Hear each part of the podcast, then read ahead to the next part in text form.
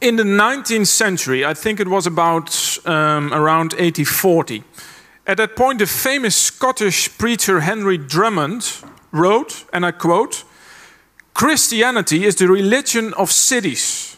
It moves among real things.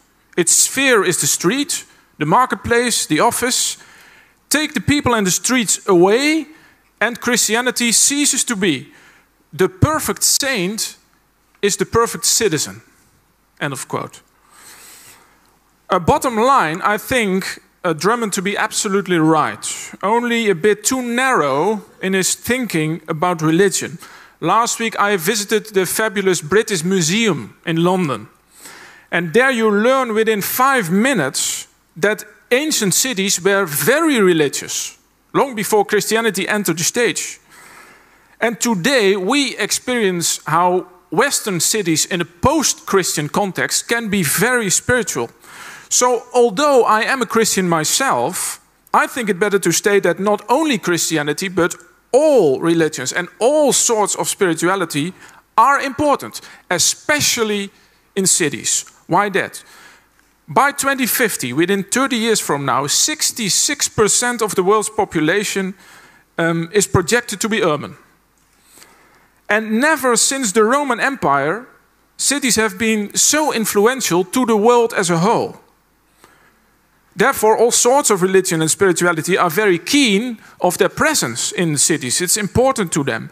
But the real challenge for every religion and every sort of spirituality, the real challenge is this here Drummond again. Does it move among real things? Does it work in the street, in the marketplace, and in the office? Um, I really think religion is far more important in the city than it is in the village. And that's because a city has many more streets, many more marketplaces, many more offices, and of course, many more human beings in the first place. But this is not only a matter of numbers. You, here's my main point you cannot understand a city if you overlook that it is a place of eternal aspiration and endless desire.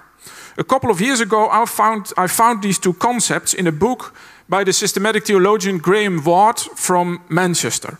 And since then, um, these two terms help me to understand that and how modern city dwellers search for meaning, especially for spiritual meaning.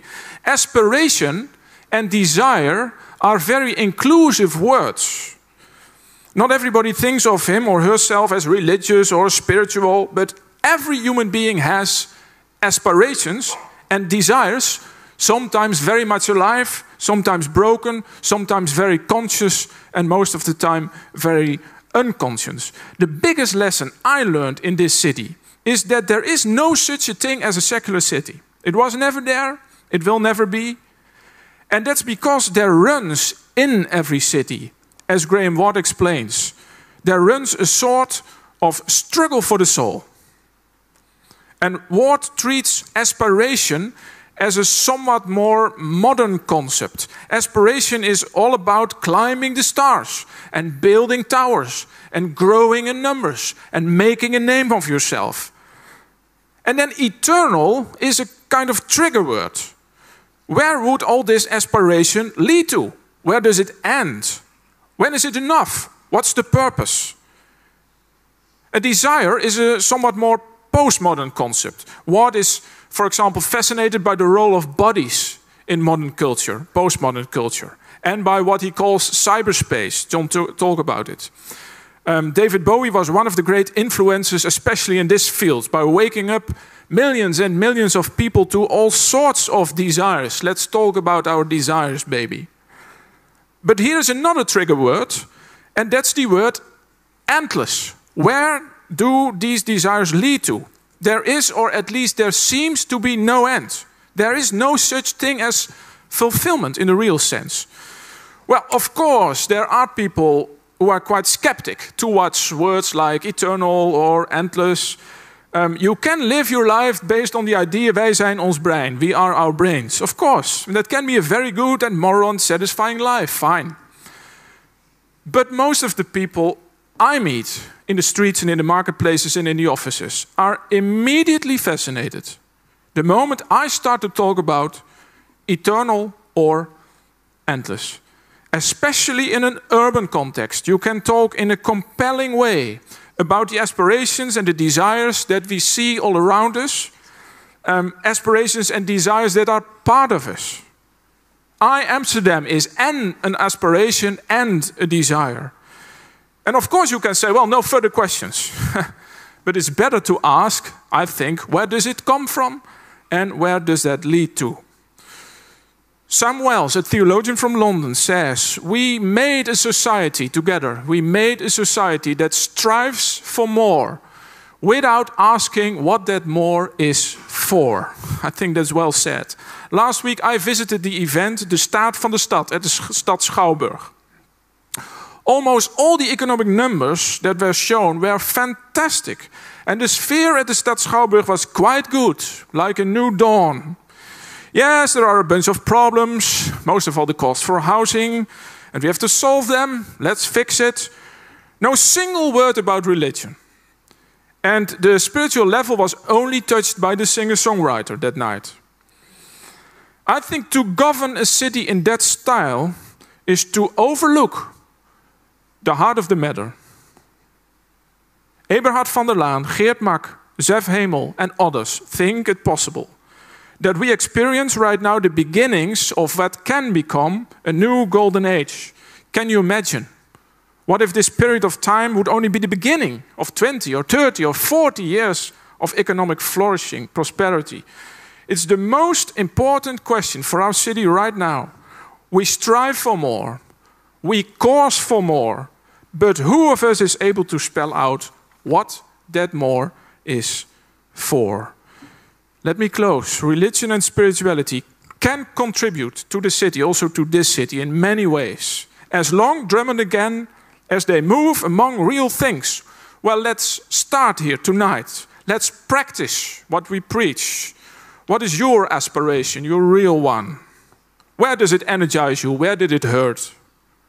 What are your desires? Why is it so difficult to understand yourself in this area? And do you see how it influences your courage and your anxiety? Religion and spirituality, in its best forms, always do ask the best questions in every talk and in every debate. Religion and spirituality, in its best forms. The questions of real things and real people. So, yes, religion is here to stay. Thank you, um, Yvonne Zonderop. Religion is here to stay.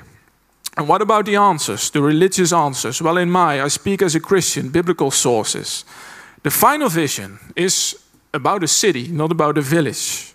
A city coming down from heaven, a city in which we recognize all the aspirations and the desires of the world, of history. And that city is literally eternal and endless. Why? Because all the aspirations and desires are well directed at last. They all find their deepest meaning in God, and everybody will understand, and everybody will join. And God is the God of that city, the city of God, as St. Augustine famously wrote.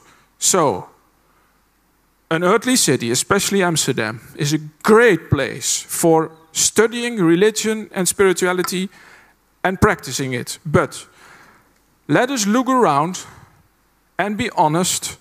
In Amsterdam, there is still quite a lot of religion in university classrooms, as well as in church buildings. But, sorry, scientists and pastors, most of the city is elsewhere. It's first the street, the marketplace, and the office. There needs the real work to be done. May religion and spirituality be resources for many city dwellers to become the best citizens indeed. Thank you very much.